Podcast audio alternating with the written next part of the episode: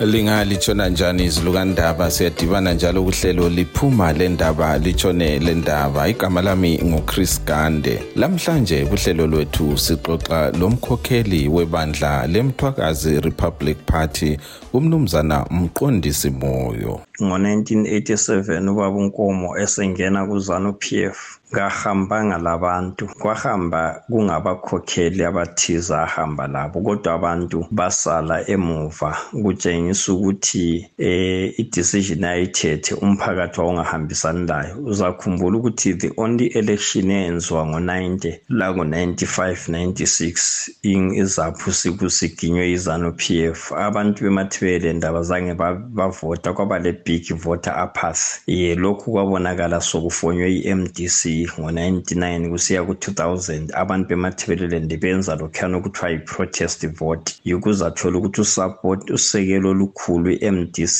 lokuqala lwavela emathebeleland babantu abatshengisela ukungesabizano manje ngokubona kwakho kwakumele enzeni umnumzana nkomo ngesikhathi abantu bezimbabwe bebulawa ngegugurawundi Eh babo Gande labalaleli. Inkulumo yokuthi kwakumele ubaba unkomo enzeni ngesikhathi abantu bebulawa ngegugurawundi inzima kakhulu. Indaba yalahleka eLancaster ngo-1979 langemuva kwayilancaster. Yazolahleka ngo-1982 ubaba ujoshua nkomo emisa intumbane. Eh mhlawumbe kusiyafika u-1987 akulanto emangalisayo ayengabe esayenza ubaba ujoshua nkomo ngoba ayevele esechithekile amanzi. Isisombuluko sona leso sokuthi avume ukungena ku-intercord yiso kuphela esasisele eh ngizakuveza futhi ukuthi ngurobert mgabe owafonela ujoshua nkomo wamthumela umlayezo wokuthi izimbabwe ayisabuseki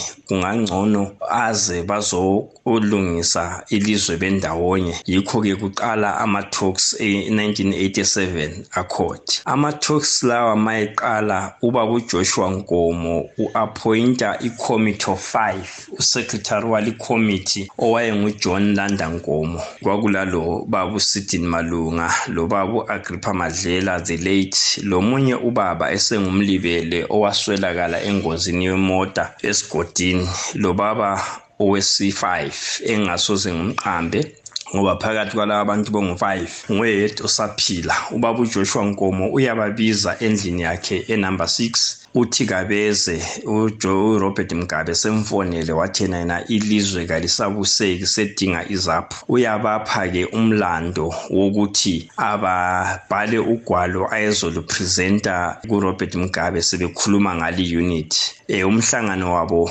bawubambela ecrester churchill arms laphana e-four winds kobulawayo ounye womuca kumbe wama-points i-committee of five le eyayilubhalile babebhala ukuthi baba ujoshua nkomo nxa eza kuyanegotiata lezanu p f akayanegotiata langokuthi abantu bemathebeleland sebefuna ukuphuma bazimele bodwa. Ubaba unkomo akupresente lokho. Kuyadanisa-ke bantu bakithi ukuthi urobert mgabe imhlangano yonke eyenzakala e-churchill arms wayethi nxa unkomo ethola iripoti yayo lo robert mgabe wayephiwa le report khona le harare eyiphiwa ngubaba ujohn landankomo lizakhumbula ukuthi ubaba ujohn landankomo lo mgabe babengani bayahlobana.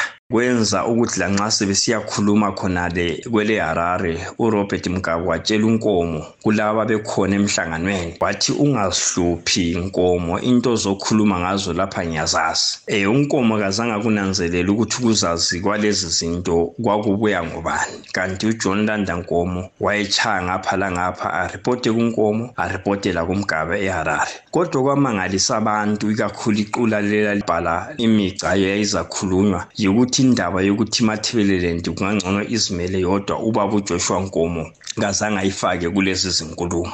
Lo-ke bekungumnumzana mqondisi moyo umkhokheli webandla lemthwakazi republic party ebesixoxa laye kuhlelo liphuma le ndaba litshone le ndaba.